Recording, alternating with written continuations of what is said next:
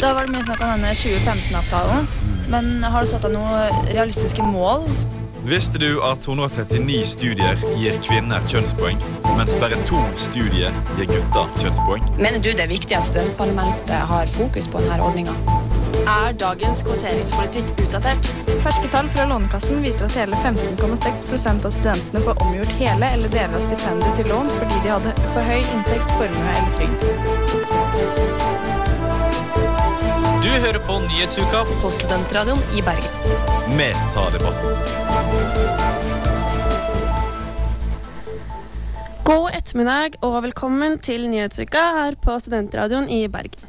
Mitt navn er Sara Løvhaug, og med meg i studio har jeg Martine Haugen. I dag skal vi snakke med Jørgen Riser fra Mcash og rektor ved NHH Frøystein Gjesdal. Videre skal vi høre Jinn Sigve Mæland og Ivar Utne prate om innføring av praksisfag ved UiB. Før vi til slutt får Emilie Melbø Christoffersen fra Juridisk studentutvalg og Kristine Stoltz eh, Olsvik fra Juridisk fakultet i studio. Men først dagens nyheter ved Martine Haugen.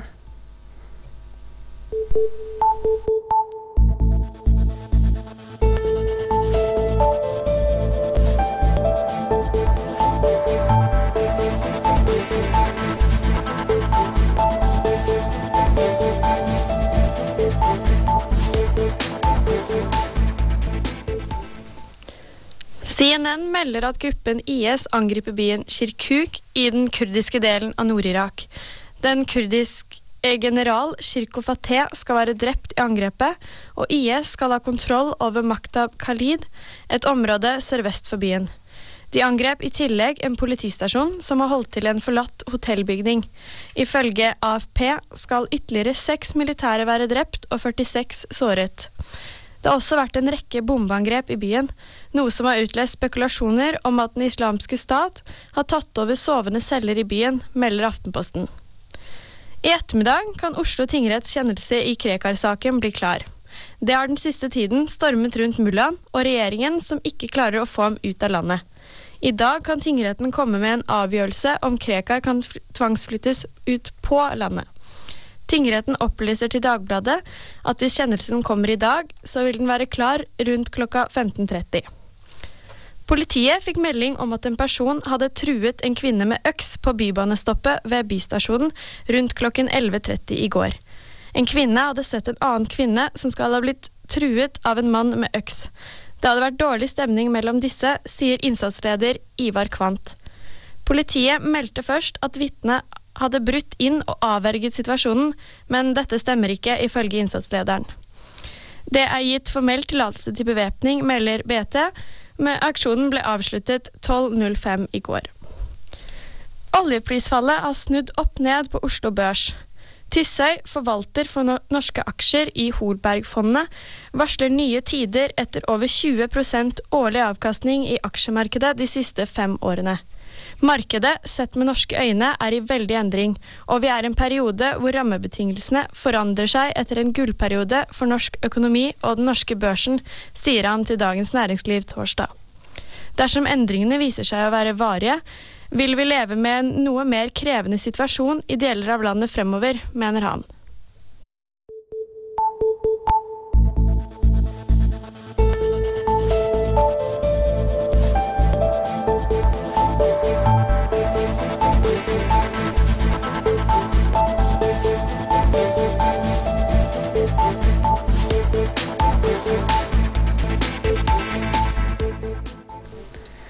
Vi skal nå få høre et intervju eh, fra i høst med Nils Ottar Antonsen, foreleser ved Instituttet for marine- og maskinfag eh, på Høgskolen i Bergen, eh, om oljenedbemanningen. Oljebransjen melder om lavere investeringer med kutt og nedbemanninger. Hva vil det ha å si for de som i dag tar utdanning og vil gå den yrkesveien, og om få år vil ut i en arbeidsmarked med færre sjanser for å få seg jobb? Med meg i studio har jeg Nils Ottar Antonsen, foreleser på Institutt for marin- og maskinfag ved Høgskolen i Bergen. Og eh, Antonsen, eh, hva tror du om framtida til de som vil eh, inn i oljebransjen de neste åra? Ja, du vet at det er vanskelig å spå om fremtiden, sies det. Særlig om fremtiden, kanskje. Det er jo sånn at Nav de hadde f.eks. en bedriftsundersøkelse fra desember 2011 hvor man sa at man manglet 16 000 ingeniører. Og I oktober i 2013 så kom SSB med en rapport som avblåste hele ingeniørmangelen. Da var vi tilbake til status quo igjen. Men alt eh, tyder på at vi i Norge vil ha en betydelig aktivitet innen olje og gass de neste 30-50 årene. Ikke minst innen eh, leverandørindustrien. Eh, og For at vi da skal være konkurransedyktige innen leverandørindustrien, så er det avhengig igjen at vi klarer å eh, utdanne dyktige og innovative ingeniører som eh, kan komme opp med produkter som konkurrerer globalt. Men så må vi, må vi huske på noe også. Vi må huske på at den oljeproduksjonen i Norge var på topp i 2001.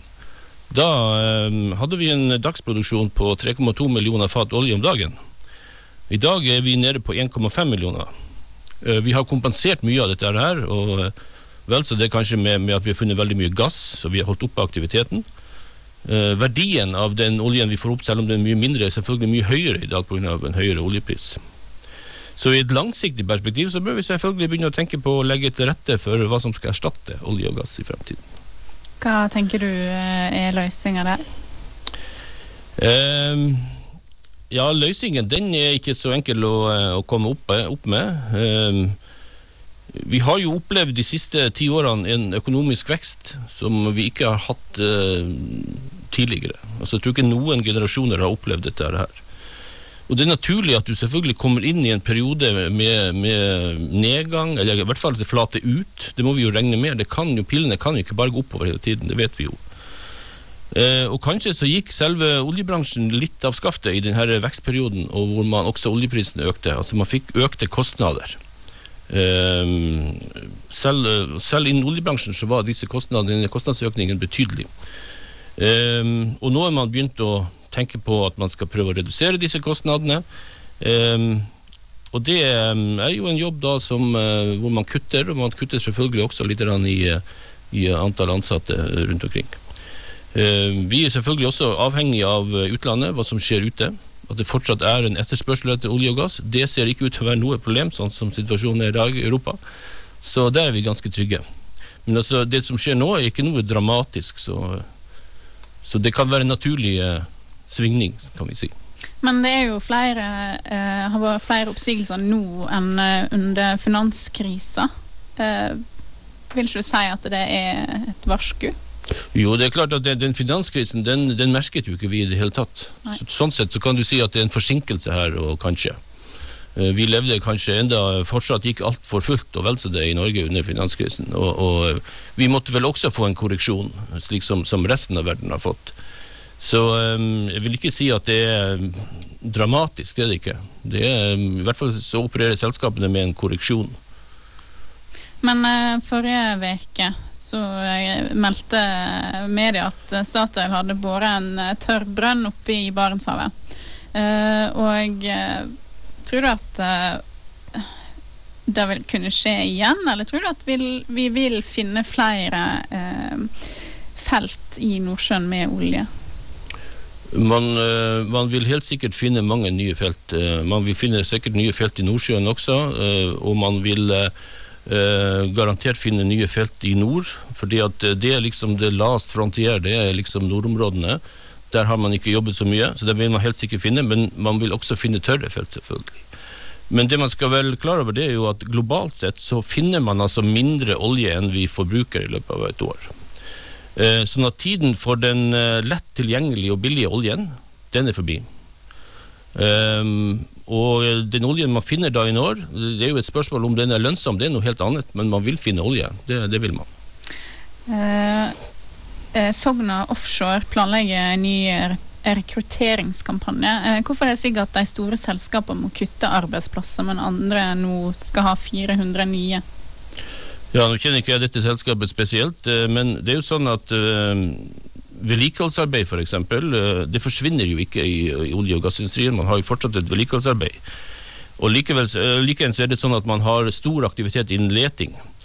Men så er det sånn at når et sånt oljeserviceselskap taper én kontrakt, og dermed må si opp folk, så er det jo et annet selskap som regel som har vunnet denne kontrakten, og er da nødt til å ansette folk igjen. Så dette vil eh, svinge litt. Eh, men eh, du sa jo da egentlig litt i stad at um, For det er jo veldig mange som mener at politikerne bør eh, redusere iveren for olje- og gassnæringa.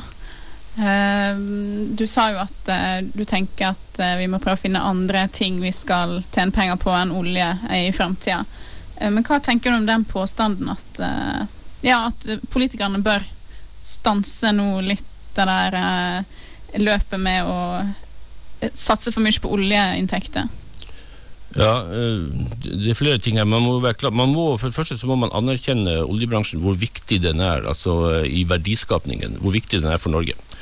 Det må man være klar for, for seg. Men så må man også huske på at um, um, olje- og gassbransjen eller, uh, er kolossalt subsidiert worldwide. Det, det er mye større subsidier som utbetales til de enn det er til fornybar energi, f.eks. Det skal man også uh, ha klart for seg. Um, og Hvis man da skal inn på mer bærekraftige områder, så er det tiden for å gjøre det nå. Når man har handlingsfrihet i Norge. Vi har ikke noe tvang. Det var Kennedy som sa at uh, the time to repair the, the roof is when the sun is shining. Uh, og det er det vi må gjøre. Nå har vi en handlingsfrihet som er enestående, så vi kan egentlig legge til rette for en mer langsiktig politikk. Og Det jeg savner blant politikere, det er jo dette med at uh, man kan legge fram en politikk som strekker seg lenger enn en valgperiode. Sant? Det er klart at det er vanskelig å si at man skal trappe ned innen olje og gass, og ikke ha den store trøkket. Det er ikke så lett når i forhold til valg. Men eh, konklusjonen blir da egentlig at eh, du tror at dagens studenter, eh, de du f.eks. har på HIB, har mulighet til å få seg jobb i oljebransjen når de er ferdig utdanna? Absolutt. absolutt. Vil, eh, hvis de vil inn i oljebransjen, så tror jeg de kan få jobb der. Um, og en annen ting er at jeg vil oppfordre dem til å ikke bekymre seg. Man skal ikke man har begynt på et løp og kommet godt i gang med et løp, så er det ikke noe å bekymre seg om, for dette er ikke noe vi kan gjøre med. Vi vet ikke hvordan uh, situasjonen vil være når de blir ferdige. De som begynte nå i høst, det er jo tre år til de er ferdige osv. Men studentene oppfordres til å fokusere på det de kan gjøre noe med. Og det er å lære mest mulig, få best mulig karakterer, så står du uh, godt rustet. Og så litt med holdningene, kanskje. Det er veldig viktig at man har holdninger. Jeg er litt bekymret når jeg ser på uh, hvor mange som dukker opp klokken åtte på forelesningen om morgenen. Eh, med de ordene får vi si takk for at du kom i studio, Nils Otta Antonsen, som er foreleser på Institutt for marin- og maskinfag ved HIB.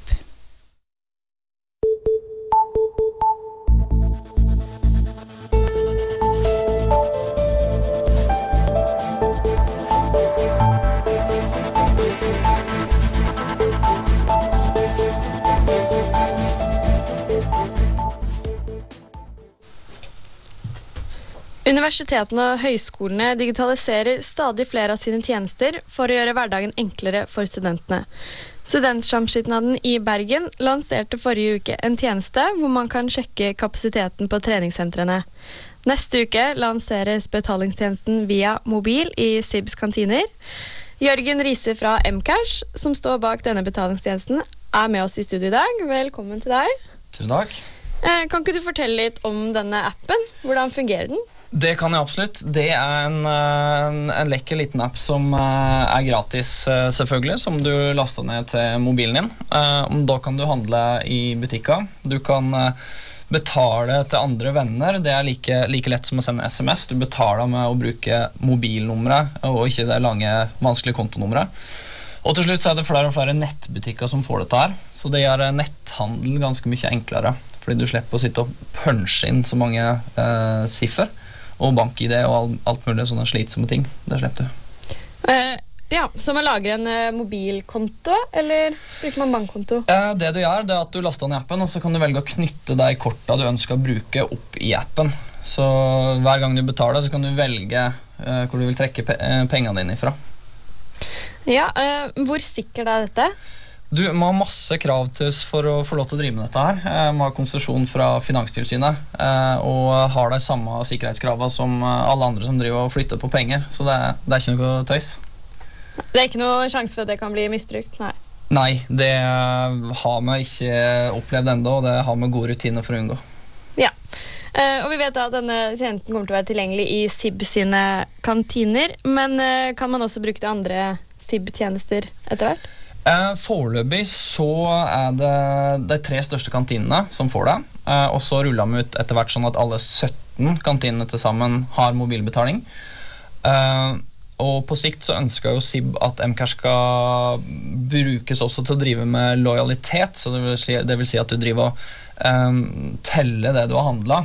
Mobilen kan huske det du har handla, sånn at når du skal få din tiende, gratis eh, kaffe, tiende kaffe gratis, f.eks., så veit både den som skal kjøpe og den som skal selge, at nå, nå, nå er det gratis. Så det er mange fine ting med mobilen, for det er en smart sak. Den kan huske hva du har gjort. Så det sier har masse muligheter når de nå introduserer dette her. Um, og, og en annen ting som jeg har lyst til å si, er at vi har, uh, snakka med mange studentforeninger, puber, uh, idrettslag osv. for å uh, tilby deg Mcash eh, som en enkel og veldig billig betalingsmåte. Fordi vi vet at er, mange av dem er avhengig av uh, cash, og det er ikke akkurat uh, framtida. Eh, og det er veldig dyrt å leie kortterminaler.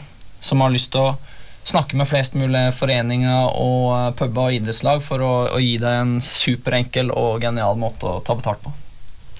Um, vil den appen gi noen fordeler fremfor å bruke bankkort? Eh, Det vil den. Eh, Nå i første omgang så får jo alle som bruker appen eh, fra og med tirsdag eh, 10 billigere mat og drikke. Det er kjempebra. Etter hvert så er, det jo dette lojalitetsopplegget som jeg, prater om. Men så er det jo selvfølgelig åpenbare fordeler med å betale med mobil, sånn at, som at du, du kan legge igjen lommeboka hjemme, da, og du kan velge hvor du vil hente penger fra, osv. osv. Um, og det er enkelt å betale til, til vennene. Så det er, det er mange åpenbare fordeler med mobil som studentene kan uh, nyte godt av. Det- Jeg bare lurer, uh, Da bruker man ikke en sånn kortterminal når man betaler. Men hvordan er det selve betalingen med mobilen fungerer? Det skal jeg forklare det. Det er veldig enkelt sånn at uh, når du kommer fram til kassa, så vil det stå en QR-kode der.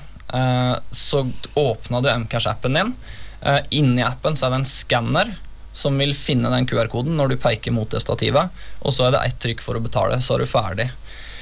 Så det går fortere enn å betale med, med kort, og, Ja, og så ser det veldig kult ut. da. Mm, det gjør det jo. Eh, Når kan man begynne å ta i bruk denne tjenesten? Eh, her er det altså uh, nå, nå, skal man, nå skal man sette i stand uh, og pynte kantinene klare for premiere på mandag kveld. Sånn at tirsdag morgen, når studentene kommer og skal handle maten sin og drikka si, så håper vi at de bruker mobilbetaling, for da er Mcash klare.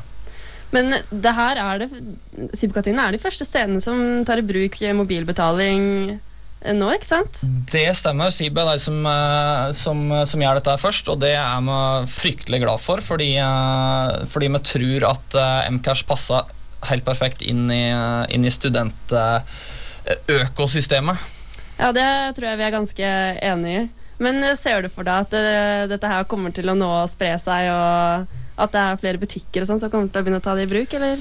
Eh, Det er mange teknologieksperter som, eh, som er enige om at mobilbetaling er en av de store trendene i 2015. Eh, Det, det, det kan vi jo bekrefte med antall nedlastinger som Mcash får om dagen. Det er mange hundre som, som laster ned appen hver dag. Så vi tror at vi får mange flere brukere, og at det blir mange flere butikker rundt omkring som, som benytter seg av Mcash. Hvor lang har prosessen vært for å, ja, for å få dette her til, da? Til, fikk ideen?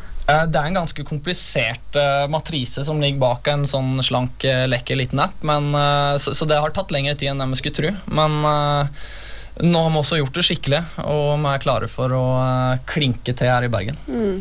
Koster det noe å ta i bruk den appen? Nei, eh, det koster eh, ingenting å ta i bruk appen. Den eneste kostnaden er hvis du skal bruke den tjenesten som heter vennebetaling, eh, og bruke Visa-kortet ditt som en kilde. Da, da, da vil Visa ha betalt eh, 2 som da Mcash um, tar betalt fra brukeren. Så det er den eneste kostnaden. Når du skal bruke dette her i, i kantina, så koster det ingenting. Det høres eh, veldig spennende ut, og nå tror jeg vi gleder oss til tirsdag. Ja, vi gleder oss veldig eh, sjøl, så det blir, det blir superstas. ja, det blir, det blir veldig spennende å se. Tusen takk for at du kunne komme til oss, Jørgen Riiser fra Mcash. Takk for meg.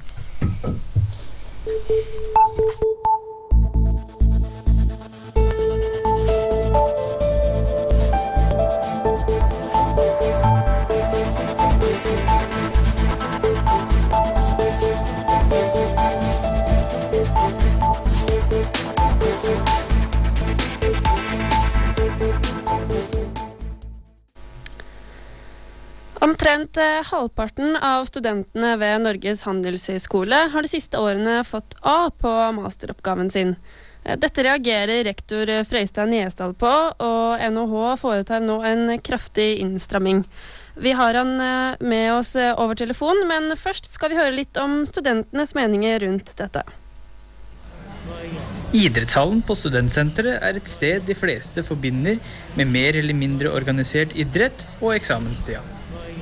Men denne tirsdagen var hallen fylt opp av organisasjoner som slåss om studentenes gunst. Her var de kjente studentorganisasjonene som Studentersamfunnet, studentstedene som Kvarter og Hulen, politiske organisasjoner, religiøse organisasjoner og en rekke humanitære organisasjoner.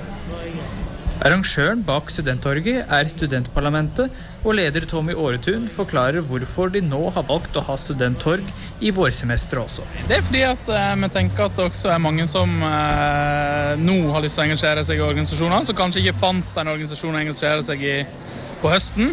Da tror jeg det er lurt at eh, en også på våren har et sånt arrangement. Eh, Var det stor eh, interesse fra organisasjonene om å ha et sånt eh, arrangement? Ja, det var veldig stor interesse, og det er jo folk som har meldt seg på helt fram til nå, helt på slutten. Og det at vi har fått fylt opp hele hallen med organisasjoner også nå i januar, og at såpass mange tar, studenter tar turen innom, er jo strålende. Selv om det ikke er et veldig komplisert arrangement, går det med en del arbeidskraft. Vi har jo vært der siden klokka åtte i dag og satt opp alle bordene, og så har det jo vært masse planlegging i forkant. Så går du det meste av seg sjøl under selve studenttorget, og så sitter vi nå litt på standen vår og går litt rundt og snakker med alle studentene. Reglene for hvem som får være med, er ganske enkle. Ja, Vi har lagt oss på den linja som blir brukt eh, på studenttorget i, eh, på høsten. og Da er det jo de organisasjonene som ligger inn under Kulturstyret. Så det åpner opp for noen andre i tillegg som har eh, Men det er stort sett alle de samme som er på høsten. Det å ha studenttorg på våren er fint for studenter som Ida. Eh, for jeg begynte å studere nå i høst først, så jeg tenkte det var sikkert nok med pensum å få meg inn i alle rutiner. Så det første semesteret var kun skole. Så i år tror jeg jeg skal ja, litt mer. For de teaterinteresserte finnes studentteatret i Maturus. Nestleder Micaela Getwert forklarer hvorfor de har stand på studenttorget. Det er veldig fint å få nye medlemmer. Og eh, ja, det er ganske viktig, spesielt nå som eh, det kommer internasjonale studenter. Og vi vi er jo et ganske internasjonalt studentteater fra før av. Og da er det veldig fint å få flere internasjonale studenter også. Eh, Hvordan kommer dere i kontakt med folk utenom ting som Studenttorget? Eh, Vi, har, vi er veldig aktive på sosiale medier. Både Twitter, Instagram og Facebook. Vi hadde en lanseringsfest for, som er åpen for alle. Og så er vi veldig flinke på å si, eh, eller fortelle da, om at folk kan være med på alle arrangementene våre, egentlig. Imaturus er på utkikk etter et vidt spekter av folk. Eh, en type som gjelder meg i Maturus, er vel en som er glad i teater og driver med teater. Eh, skuespill eller bak scenen. Driver med eh, ting som eh, scenografi, kostyme, PR, eh, økonomi. Vi trenger egentlig alle typer, alle typer folk. Eh, og ikke bare skuespillere, selv om det er jo veldig fint å Skuespillere er jo veldig viktige, de også. Knut Svihus fra Bergen Kristelige Studentforbund er enig i at det er viktig å være til stede på studenttorget, men det er ikke den eneste måten de når ut til studenter. Så Det er ikke den fremste rekrutteringskanalen, men det er allikevel en viktig rekrutteringskanal. Ja, hva- Hvilke andre rekrutteringskanaler har dere? Eh, Det er rett og slett Jungeltelegrafen. Eh, Mange mm, kristelige studentorganisasjoner, som spesielt KFK KFM, eh, som eh, har et godt forhold til Norges kristelige studentforbund. Eh, Så folk hører om det, har det i, eh, har i hukommelsen, og når de da ser logoen eller møter på noen, eh, så er det lett å få dem med. Er det politikk du er interessert i, så forklarer Morten Haugland Almås hvordan Rødts studentlag kan være noe for deg. Eh, kanskje litt sånn eh, radikal student, så eh, ofte er jeg kanskje litt kritisk til samfunnet, da. Eh, så ofte veldig mange studenter kanskje er. Morten kan forvente seg selskap av Ida i framtida. Så er det noen spesielle organisasjoner du er interessert i? Ja, Rødt. Rødt? Det her har jeg vel engasjert meg veldig lenge, så jeg tror jeg skal ta sjansen i år.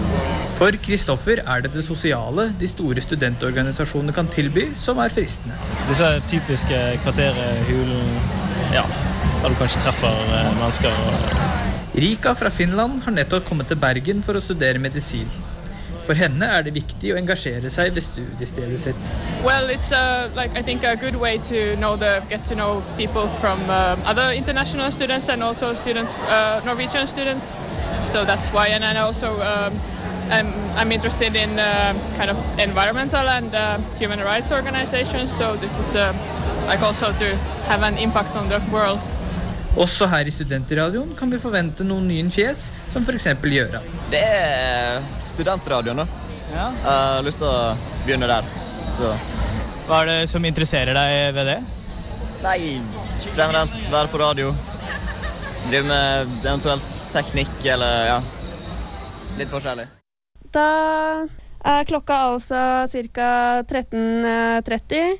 Du hører på Nyhetsuka her på Studentradioen i Bergen. Eh, Vi har hittil pratet eh, med Mcash-gründer eh, Jørgen Riser, som har gjort det mulig for studenter å betale med mobil i SIB-kantinene. Martine, hva skal vi prate om videre i sendingen i dag? Ja, Sara, videre har vi med oss administrerende direktør i Lånekassen Marianne Andreassen på telefon, som kommenterer årets bokkontroll. Til slutt skal vi snakke med Emilie Mølbø Christoffersen og Kristine Stoltz Olsvik fra Juridisk fakultet om innføring av den etterlengtede digitale eksamen. Men først får vi besøk av Jinn Sigve Mæland fra HF-listen og Ivar Utne fra Praktisk informasjonsarbeid. Og de kommer til å prate om praksisfag ved Universitetet i Bergen.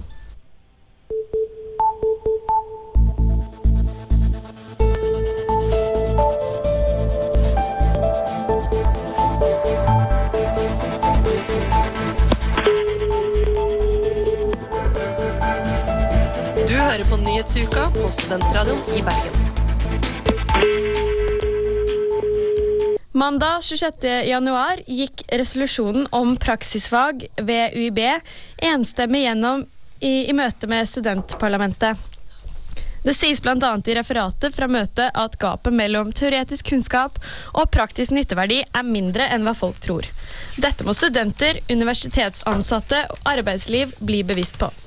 Med oss i studio i dag har vi Jinn Sigve Mæland fra HF-listen og Ivar Utne fra Praktisk informasjonsarbeid. Velkommen til dere. Takk, takk. Eh, Mæland, eh, hva, er, hva er det med praksisfag, eh, eller hvordan er det med praksisfag på universitetet i dag? Nå har ikke vi noe oversikt over alle praksisfagene på alle institusjonene. Vi eh, tar bakgrunn i den, altså tar utgangspunkt i de eh, institusjonene som vi kjenner som stort sett er HF og SV. Og der vet vi i hvert fall at studentene føler at de praksisfagene som er der, gjerne er kanskje ikke gode nok, og det er ikke nok praksisfag. Det er sånn at eh, fra Karrieresenteret hadde en kandidatundersøkelse i 2011 som, eh, der alle studenter ble spurt at hva kan vi gjøre for at fagene våre skal bli bedre. Og da svarte 65 at de ønsket mer praksis eller en form for praksis inn i utdanningen sin. Så det, vi tar litt bakgrunn i de undersøkelsene vi har lest, og det de studentene vi har snakket med, og hva de ønsker. Ja, eh, men Hva vil flere praksisfag bety for utdanningen ved UiB? Eh, Forhåpentligvis vil det som vi sier, så vil det minske gapet mellom eh, den studentboblen man er i til vanlig, og det man opplever i arbeidslivet senere. Da. Så vi håper jo at praksisfag kan være en brobrygger da, mellom da, studentlivet og arbeidslivet senere. Og Utne, hva tenker du om at UiB åpner for mer praksisfag innenfor noen emner? Det tror jeg er bra, for studentene har godt av å få lære og få vite hvordan eh, faget deres fungerer i arbeidslivet. Det er klart, og det er også veldig bra for oss ansatte. Da, da får vi liksom se hvordan eh, jobbverdenen ser ut i, i, i faget vårt for de som er unge nå. Mm. Eh, Mæland, hvilke fag er det aktuelt å tilby eh, mer praksis? Det er jo eh, ikke opp til oss å bestemme, tenker jeg. Nå har vi eh, bedt eh, studentparlamentet om å gå til ledelsen og si at vi ønsker at det skal bli settes ned en arbeidskomité for dette. Så blir det opp til den komiteen og i samarbeid med instituttene og fakultetene å se hvor kan vi gjøre dette. Går det an å lage f.eks. fag sånn som praktisk informasjonsarbeid som går på tvers av flere institutter og gjerne flere fakultet, som kan være større, eller er det mer praktisk at man har mindre, mer spissede praksisfag? Det vil ikke vi legge oss opp til, det må jo på en måte instituttene og studentene eh, sjøl ta en del i. Vi ønsker bare at muligheten skal være til stede, da at man får ballen i gang, rett og slett. Mm. Når vil det være mulig å gjennomføre? å gjennomføre praksisfag? Ja. Altså Nå eh, er det jo eh, praksisfag som eh, allerede er oppe og går. Noen av de er veldig gode, som praktisk informasjonsarbeid, som fikk Ugleprisen i fjor. Og det er noen som sikkert har litt mer å gå på. Men vi har jo satt som et av punktene i vår resolusjon at innen 2020 i hvert fall da, så skal det være en klar plan for hvordan praksis skal gjennomføres på et overordnet nivå på universitetet. Ja, Kunne du forklart litt kort hva som dere gikk gjennom på det møtet? Eh, På møtet så eh, la vi fram eh, selve resolusjonen. Vi la fram litt av bakgrunnen til hvorfor vi ønsker å ha flere praksisfag. Vi hadde en veldig kort diskusjon egentlig da, om, om selve resolusjonen, for det viser seg at det er bred studentpolitisk enighet om at praksisfag er noe eller praksis da, både som fag og generelt sett, er noe som man ønsker mer av, og noe som absolutt er behov for. Eh, nå har jo vi også gått inn for at vi ønsker jo også at det skal være mer, altså ikke mer praksis i de teoretiske fagene, men at man kan ha praksislignende oppgaver. Eh, eksempel som hvis man, sånn som jeg som har studert retorikk, at eh, man skal ikke bare lese taler, men man skal eksempel også skrive sin egen tale på bakgrunn av den informasjonen man har altså opparbeidet seg i løpet av et studie. I tillegg så ser vi også det at det kan være behov for å ha flere praksislignende studentorganisasjoner, da, sånn som radioen og eh, BSTV og Studvest, og ikke minst jusformidlingen. Kunne man f.eks. hatt det på språk, kunne man hatt eksempel en tolketjeneste av et slag, eller en oversettelsestjeneste. Ja. Men hvordan er det med praksisfag ved UiB i forhold til eh, andre utdanningsinstitusjoner? Um, altså, jeg, jeg har ikke god kontroll på hvordan det er på andre utdanningsinstitusjoner. Uh, vi gjør eh, litt forskjellige ting, tror jeg, og det er også litt det som er at det er veldig opp til den enkelte institusjon, som sikkert Ivar kan si mer om, men det er vel opp til den enkelte institusjon og de enkelte programområdene hva de velger å fokusere og profilere seg med. Mm. Men ut, hvor viktig tror du praksis er for studenter og i læringen? Det er vel først og fremst viktig på den måten at de lærer om hvordan faget skal brukes i, i, i livet. Altså, Jeg vet ikke helt hvor mye det får innvirke Altså, det kan, jo, det kan jo ofte være motiverende for det de driver med. At da ser de hva innenfor sitt fag som er viktig å lære, og som er viktig å drive med. De lærer f.eks. av typen at det nå er viktig å skrive oppgaver. Det er viktig å sette seg inn i visse typer perspektiv i faget, eh, uten at jeg nå kan gå i detalj på det. Altså, Det vil jo motivere til at man skjønner at det er noe i faget sitt som er viktig. Og det er kanskje andre ting man syns er mindre viktig, det er en annen sak, men litt sånn. Eh, Men du har vært med fra dere begynte å utvikle praktisk informasjonsarbeid. Kan du fortelle litt om eh, emnet? Ja, dette er jo et fag som er, dreier seg om kommunikasjon. Og, og det, det begynte faktisk sånn at man på HF hadde et program som heter Språk og kommunikasjon. Det er faktisk nedlagt nå. Og så mm, fant man ut at på det, på det programmet så mangla man nemlig én ting, nemlig at eh, studentene fikk ikke lært noe praktisk om det å drive med språk og kommunikasjon. Derfor så vil man ha et slikt emne som dette, og vil eh, legge det på toppen av på enden av dette bacheloremnet. Og, mm, og, og det var en kombinasjon av at vi hadde litt om hvordan man praktisk eh, oppfører seg i arbeidslivet med kommunikasjon, og, og altså en dash med praksis ute i yrkeslivet. Jeg bare lurer på, Er det da en erstatning av faget språk og kommunikasjon? Det førstesemesterfaget? Man har fått dette som en nytt fag, eller hvordan Nei, det er noe helt annet vi snakker om. Ja. For, du, for du, det, språk og Kommunikasjon? Ja, språk, ja nå, nå, for å ha det Bachelorgraden heter nok språk og, eh, språk, og, språk og informasjon. Mens det som du snakker om, heter språk og Altså, det forberedende, det forberedende studiet, det er jo et, en innføring stort sett i, eh, i, grammat, i, i språklige termer, altså i syntaks, eh, morfologi, eh, pragmatikk, altså terminologien. Mens det som vi gjør på, hos oss, er jo mer, er, si, mye mer fokusert på det pragmatiske, det kommunikative. Altså skrive pressemeldinger, gjennomføre intervjuer. øh, øh, øh, legge kommunikasjonsplaner, hvordan oppføre seg når man skal snakke med en journalist. Altså, det er mer det, det perspektivet har vi. Ja, nettopp. Mm. Navnene på studiene er ganske like, men Ja, det er, ja, er slik som det. Men eh, altså dette nye studiet, hvor populært har du opplevd at eh, dette emnet er? For det første så har vi jo stort sett eh, plass til 15 studenter, 15-16, fordi at det er, det er jo veldig krevende å skaffe praksisplasser. Det skal man vite. Og så er eh, Og vi har, har, har hatt en søkning på omtrent det dobbelte veldig mange av disse årene. Vi har kjørt 20 ganger nå, altså et halvt år hver gang. Så cirka Stort sett er vi oppe i 20-25-30 søkere litt ettersom, men eh, det er populært. Det virker det som. Og studentene som går ut, er også fornøyde, og det er rykt, eh, jungeltelegrafen som verver nye studenter.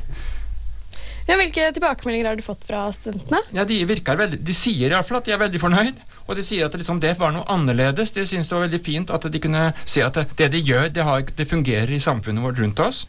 Og de ser at eh, dette letter nok veien deres ut i arbeidslivet. Og så syns, syns de det er kjekt, jeg tror studenter også syns det er kjekt å være litt kreative og jobbe litt sjøl. Altså, det er jo et kreativt fag. Og Det tror jeg de også liker veldig godt, istedenfor bare å sitte og lese og svare på teoretiske oppgaver. Mm. Hvordan tilbakemeldinger har dere fått fra arbeidslivet, da? eh, arbeidslivet, de, eh, de er de er litt de, de, de, si, de, de setter pris på at studentene kommer, for de setter alltid av noen oppgaver de vil ha gjort, og de får dem jo på en måte gjort det gratis på den måten. Men de må jo samtidig yte en innsats, da, så det er litt gi og ta. Altså De må jo veilede også. Men de syns det er kjekt å få impulser utenfra, få hjelp utenfra. Eh, Veldig mange av arbeidsstedene sier at det er veldig fint å få unge studenter som kan måte gi et ungdommelig blikk på det de driver med. Tenk deg Festspillene f.eks., og opera og andre steder. Få et ungdommelig blikk altså, på hvordan, eh, hvordan dette de driver med er. Det, det, og, og mange sånne inntrykk får vi. Og ja, Mm, det høres bra ut. Um, til slutt, Mæland. Uh, hva vil mer praksis bety for den enkelte studenten? Nei, det som vi har nevnt tidligere, at forhåpentligvis vil mer praksis da kunne bety det at du vil, eh, altså du vil få en større sammenheng mellom det du studerer og eventuelle jobber senere. Og man snakker jo veldig ofte om at ting skal være studierelevant, eller du skal få en jobb som er relevant for det du har studert. Og jeg tror kanskje at folk har et litt for snevert syn på hva som er relevant for uh, mitt studie og ditt studie. At uh, praksis også vil være med å åpne den horisonten og gjøre det mer mulig for folk å gjerne tenke på andre ting som man eh, ikke tenkte på i utgangspunktet. Jeg har vært så heldig at jeg har fått tatt uh, praktisk informasjonsarbeid, eh, dette faget, og det er jo et helt fantastisk fag. Og ikke minst bare dette med at veldig ofte så, så leser du, og du produserer vel bare en eksamen eller noe sånt, men gjennom dette faget så får du kontinuerlige utfordringer, du får kontinuerlig bryn til på forskjellige ting. da, og det, eh, si, Læringskurven er så bratt, og det, det går så fort fra å skrive en litt knotete tekst til å skrive en mye mer ryddig og ordentlig tekst. Og, man, og så klarer man å relatere til, for det er sånn som å skrive journalistiske sammendrag er jo egentlig det at man tar eh, all pensum man leser, og ta det ned til eh, fire-fem sider som man leser på før eksamen. Det er jo det man også gjør med et eh, journalistisk notat, at man tar store rapporter og får det ned til én side og gir det videre. at Plutselig så ser man linken mellom det man gjør til daglig og det man eventuelt kan gjøre i arbeidslivet, og at det da kanskje er på en plass som man igjen ikke tenkte at man kunne jobbe i utgangspunktet. Mm.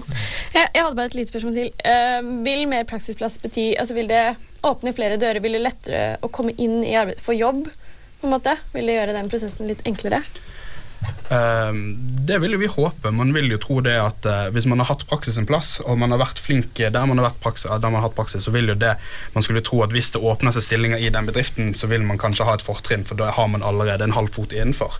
Men aller mest så tror jeg at eh, flere praksisplasser vil gi studentene mer Holdt jeg på å si eh, hva er ordet jeg leter etter da? Altså Mer tillit og mer mm. De vil være flinkere til å se flere muligheter, rett og slett. da. Det er kanskje det viktigste med å ha praksisfag. Mm. Det høres veldig bra ut. Eh, Takk for at dere kunne komme til oss i dag. Eh, Jan Sigve Mæland fra HF-listen og Ivar Rutne fra Praktisk informasjonsarbeid. Nå over til deg, Sara.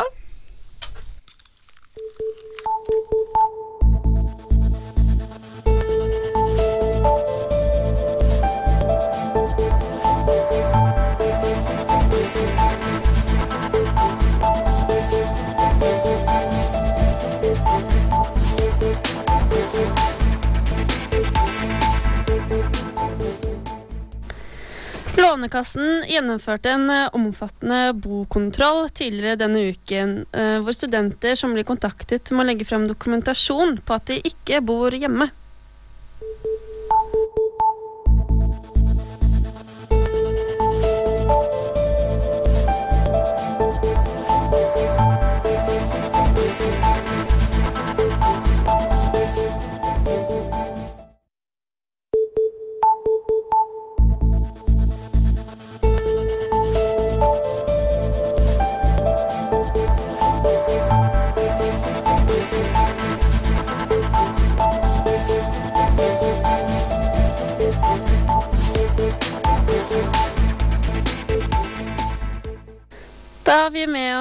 Administrerende direktør i eh, Lånekassen, Marianne Andreassen, for å snakke om saken. Eh, Marianne, hører du oss? Ja, det gjør jeg. Ja, så bra. Eh, Da lurer vi først på hvem er det dere velger ut til disse bokontrollene? Før jeg svarer på det spørsmålet, så har jeg lyst til å si at de aller, aller fleste studentene er ærlige. Og som kjent så må man altså bo borte for å få stipend. Det vi nå gjør, vi gjennomfører en totalkontroll. Som betyr at alle som har oppgitt at de bor borte, men som studerer så nær foreldrene at de kunne ha bodd hjemme, eh, de eh, omfattes av denne kontrollen. Og det er 50 000 studenter av i alt 240 000 borteboere. Mm. Men det er jo også studenter som har opplevd eh, ja, at de har flyttet fra Kristiansand til Bergen. Bodd i Bergen i et par år, men fortsatt har blitt plukket ut. Så er det en viss tilfeldighet til dette, eller? Eh? Altså Det er ikke et tilfeldig utelukk. Eh, Vi har jo da lagt visse kriterier til grunn for å plukke ut altså de som det har oppgitt at de bor borte, men som studerer så nær foreldrene at de kunne bodd hjemme. Mm. Så det er en totalkontroll av disse som da er med i, i vår kontroll. Ja, nettopp. Ja, hva skjer eh, dersom studentene ikke svarer eh, på kontrollen? Eh, Hvis man ikke svarer, da blir man ansett for å være hjemmeboende. Og det man da eh, kan komme i en situasjon hvor man da kan risikere å miste omgjøring eh, fra lån til stipend, og også risikere å miste rett til støtte for kommende studieår. Så jeg har en veldig kraftig oppfordring, og det er at man svarer på det brevet som vi nå har sendt ut i denne kontrollen. Og så er det også det, hvis man da har- levert inn dokumentasjon og ikke hører noe fra oss, så er alt i orden. Mm. Hvorfor gjennomfører dere denne kontrollen nå? Vi har tidligere gjennomført stikkprøver eh, i et veldig begrensa eh, utvalg. Og så har vi sett at på dette området så skjer det eh, en del juks. Og Vi anser det for å være et alvorlig misbruk av samfunnets velferdsgode. Og Basert på de stikkprøvene vi har hatt tidligere, så kan dette utgjøre så mye som over 70 millioner kroner årlig. Mm. Ja, vi har jo sett at det er, det er noen studenter som irriterer seg over å bli sjekket. Hva tenker du om det? Jeg vil eh, si nærmest det motsatte eh, fra vårt ståsted. For vi opplever veldig stor støtte for at vi gjennomfører en sånn kontroll, også blant studentene. Vi opplever at eh, studentene eh, eh, vil at støtte skal gå til de som har rett på det. Og vi opplever også at man er opptatt av at de som jukser, blir tatt. Mm. Når er dere ferdig med kontrollene? Altså Den videre prosessen er at vi sender ut et purrebrev den 15. mars til de som da ikke har svart. Eh, og deretter begynner vi å behandle da sakene. Mm. Vil, det, vil det nå bli en kontroll hvert halvår, eller er dette bare en sånn storsjekk som dere gjennomfører nå, og så blir det en stund til neste gang? Eh, altså Dette er nå en eh, årlig sjekk, eh, en sjekk for i år, knytta til hva slags bostatus du hadde i 2014. Eh, og Planen er jo da at eh, vi vil fortsette med store kontroller til vi ser at vi har kommet dette problemet til livs. Eh, Og jeg har veldig lyst til å trekke frem at Lånekassen er ofte eh, de unges første møte med offentlige tjenester. og Det er derfor det er så veldig viktig at vi kommer til livs eh, dette som er juks. Fordi man skal både ha et godt møte med oss, man skal få ivaretatt rettighetene sine, men vi er også veldig opptatt av at studentene må forstå sine plikter. Mm. Ja, det, er, det er kanskje litt eh, tidlig å si nå, men dere har jo gjennomført kontroller før. Eh, Har, du, mm, har det vist seg at det er eh, mange som jukser med utdanningsstipendet sitt? Ja, de stikkprøvene som vi har hatt tidligere, viste at 4,5 av de undersøkte juksa. Og Det er dette som da utgjør i størrelsesorden eh, 70 millioner kroner. Og Det mener vi er for mye. Eh, Jukset ligger for høyt. Eh, Og Det er årsaken til at vi nå går inn med et mye tyngre tiltak, altså en totalkontroll av disse som studerer nær foreldrene. Mm. Når får dere resultatet av eh, denne bokontrollen? Eh, Det blir jo da ikke før mot slutten av året, så da vil vi da selvsagt komme ut også til offentligheten med resultatene av denne kontrollen. Og vi er selvfølgelig veldig veldig spent på hva slags resultater vi da får. Mm. Det er vi også. Eh, da vil vi eh, takke deg, Marianne Andreassen, administrerende direktør hos eh, Lånekassen.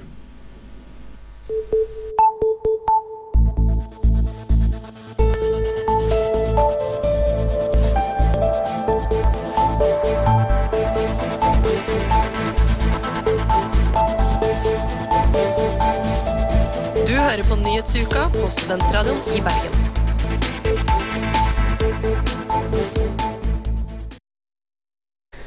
For eh, dagens studenter har det blitt uvanlig å skrive med penn og papir, og digital eksamen blir stadig mer aktuelt ved utdanningsinstitusjonene i Bergen. Før jul hadde rundt 500 elever eksamen på egen datamaskin, og ved et pilotprosjekt som UiB førte i vår, ønsket 700 av 1250 å bruke PC på eksamen. For å motvirke juks får alle elevene et program eh, installert på PC-en sin som skal forhindre dette. Og med oss i studio har vi Emilie Melbø Christoffersen, nestleder i juridisk studentutvalg ved UiB. Kristine Ståls Olesvik, studiesjef ved juridisk eh, fakultet. Velkommen til dere. Takk for det. Tusen takk. Og Kristoffersen, dere har fått grønt lys fra UiB til å sette i gang med digitalisert eksamen. Syns du det var på tide? Det var helt klart på tide. Det er noe studentene har etterlyst lenge. Og det ble veldig stor jubel eh, når vi endelig fikk det på plass. Så det var helt klart på tide. Uh, Olsvik, hvorfor tror du at uh, digitaliseringen ikke har kommet tidligere? Det har vært eh, økonomiske spørsmål her. Eh, Det har vært spørsmål i forhold til infrastruktur. eh, Hvor studentene skal sitte, og i forhold til den tekniske løsningen som studentene skal bruke. Mm. Så det har tatt litt tid før dette har kommet på plass. Mm. Ja, har det vært uh, stor etterspørsel etter digitalisert, etter digitalisert eksamen? Det vet vi kanskje svaret på, men Ja, det har det. Eh, Juridisk studentutvalg på vegne av studentene ved juridisk fakultet har arbeidet eh, mot dette lenge. Og fakultetet har også arbeidet aktivt for å få på plass digital skoleeksamen fra 2012. mm. Og Kristoffersen, eh, hvordan har dere jobbet for å få satt i gang denne prosessen? Eh, vi har først og fremst hatt en veldig tett dialog med fakultetsstyret. eh, og sett ulike løsninger. eh, og funnet ut litt det økonomiske har vært vanskelig. Og derfor tenkt litt utenfor boksen og andre alternativer. Eh, vi har også hatt- veldig tett kontakt med studentene. eh, og hvordan de ønsker at dette skal fungere. Om de er villige til å kunne avsi lesehåndsplasser under avvikling av eksamen. Og altså, rett og slett hvordan man skal få det til på en best mulig måte for flest mulig eh, i nærmeste fremtid. Mm. Så jeg har rett og slett hele tiden prøvd å presse på, eh, og det er på en måte ikke vi som klarer å fikse alene, men har hatt et samarbeid med mange andre organer. Mm. Eh, ja, hvor lang har eh, prosessen vært? Eh, hvor lenge har dere holdt på? Eh, det har jo sett litt mer lyst ut nå de siste årene enn det det gjorde i begynnelsen, men studentutvalget har faktisk jobbet med denne saken i ti år. Når har sett tilbake i referater, og det er ganske lenge. Så det er et veldig stort gjennombrudd, og mm. det er en revolusjon for studentene. Ja, ja, Har du snakket med studentene om dette? Virker de fornøyde? Jeg tror ikke folk helt har forstått det, faktisk. Det ble liksom veldig, veldig stort. Eh, men folk er veldig fornøyde og veldig spente på hvordan det kommer til å bli med avviklingen. Eh, men det er veldig mye positive tilbakemeldinger, og ja, det er veldig på tide. Når vi skriver så mye, så er det et stort behov for å ha det på PC, og i 2015 så bør det være noe som er på plass. Ja, det er vi enig i. Eh, Olsvik, tror du det blir lenge til at eh, alle studenter har eksamen på PC? Tenker du alle studenter ved UiB eller ved juridisk fakultet? Ved UiB? Eh, rektoratet har sagt at de har et mål at eh, alle eh, eksamener som kan gjøres digitalt, skal være det innen 2017. Mm. Så det gjelder alle studenter eh, på universitetet? Men da, da skal man jo også huske det at eh, skoleeksamen er bare én vurderingsform av mange. Det er ikke nødvendigvis alle vurderingsformer som kan, eller som egner seg til å, å være digitale. Mm. Eh, Er det noe du er bekymret for med digital eksamen? Nei, det er egentlig ikke. Altså, IT-avdelingen, eiendomsavdelingen og studieadministrativ avdeling ved universitetet har opparbeidet seg en god kompetanse på de pilotene som har vært kjørt i de tre siste årene. Eh, Og for de juridiske fakultets vedkommende så har vi også nedsatt en administrativ arbeidsgruppe som skal arbeide tett med sentraladministrasjonen mot piloten vår nå 24. Og for vårt vedkommende så er det altså visedekan for digitalisering Knut Martin Tande som er kursansvarlig for, for den første piloten. Eh, Og fakultetsledelsen er sterkt involvert i prosessen. Og vi vil ha en plan B hvis ting skulle skjære seg. Mm. Kristoffersen, tror du at det vil hjelpe stort eh, på det faglige for studentene, eller tror du bare vil bli mer behagelig å ha eksamen på PC? Jeg tror helt klart det kan ha påvirkning for det faglige. Eh, med tanke på at dagens eksamensform, eh, som i all hovedsak er fire timers skoleeksamen, er en veldig stressende eksamensform, og hvor det nærmest i enkelte emner er blitt en skrivekonkurranse om hvor mye du klarer å skrive før krampa tar deg, nærmest. Så tror jeg det kan gi mer tid til refleksjon Eh, og til å kunne avlegge en eksamen eh, som kan eh, avspeile mer av det du faktisk skjønner ved faget, enn hvor mye kunnskap du klarte å få skrible ned. Så jeg tror helt klart det kan ha store faglige mm. Det er bra. Eh, Olesvik de har prøvd dette prosjektet på Universitetet i Oslo også. Eh, men der klarte de ikke å nå målene sine med tre av fire eksamener digitalt. Hvorfor er det vanskelig å nå disse målene, tror du? Som jeg nevnte i sted, så er ikke det sikkert at en digital skoleeksamen er den optimale vurderingsformen for eh, absolutt alle emner. Og det er viktig å ta med i, i betraktningen. Eh, så ellers kan ikke jeg svare for, eh, for hva Universitetet i Oslo har gjort. Men man skal jo også være klar over at det som nå først skjer, det er jo at man erstatter penn og papir med eh, å bruke en bærbar PC som skrivemaskin. Eh, neste skritt blir jo at man kan få tilgang til begrensede programmer eller nettsider eller databaser. Men, men foreløpig er det bare at man, man bruker skrivemaskin i, i, stedet for penn og papir. Mm. Så du ser ikke for deg at UB kommer til å uh, ha de samme problemene da, som UiO? Uh, UiB gjennom uh, DIG-UiB har en prosjektgruppe som arbeider med digital vurdering, og som skal se på ulike vurderingsformer. Eh, og dermed kunne bringe dette ut i fagmiljøene.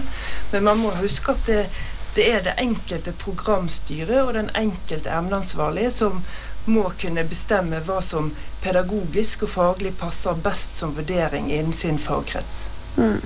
Så jeg er litt spent på dette jukseprogrammet. Hvordan uh, fungerer det? jukseprogrammet som skal bli installert på PC-ene på digital eksamen? Eh, dette programmet som, eh, eh, som digital eksamen skal gjennomføres på, heter Inspera. For de som er nysgjerrig, så kan man gå inn på inspera.no og lese litt mer. Dette er et program som studentene må laste ned på maskinen sin i forkant av eksamen. Og når de da åpner eh, maskinen sin i eksamenslokalet og åpner dette programmet, så sperres alle andre programmer nede. Mm. Da, det blir veldig spennende å se. Vi håper det sprer seg langt utover UiB også, ikke bare på Det juridiske fakultet. Eh, tusen takk for at dere kunne komme i studio. Emilie Melbø Christoffersen, eh, nestleder i Juridisk studentutvalg, og Kristine Ståls Olsvik, eh, stud studiesjef på Juridisk fakultet.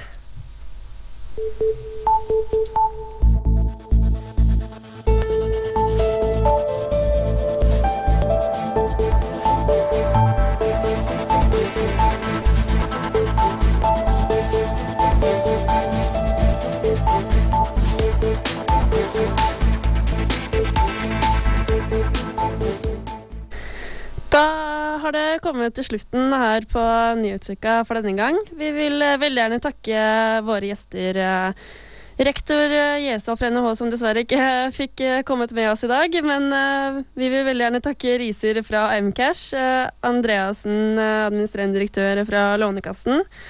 Utenom Mæland fra HF-listen og praktisk informasjonsarbeid. Og her til slutt nå disse fra juridisk fakultet, eh, Olsvik eh, og Christoffersen. Fikk du ikke med deg hele dagens sending, finnes den på srib.no. Du hører Nyhetsuka på Studentradioen i Bergen på samme tid, samme sted neste uke, og vi ønsker dere en riktig god helg.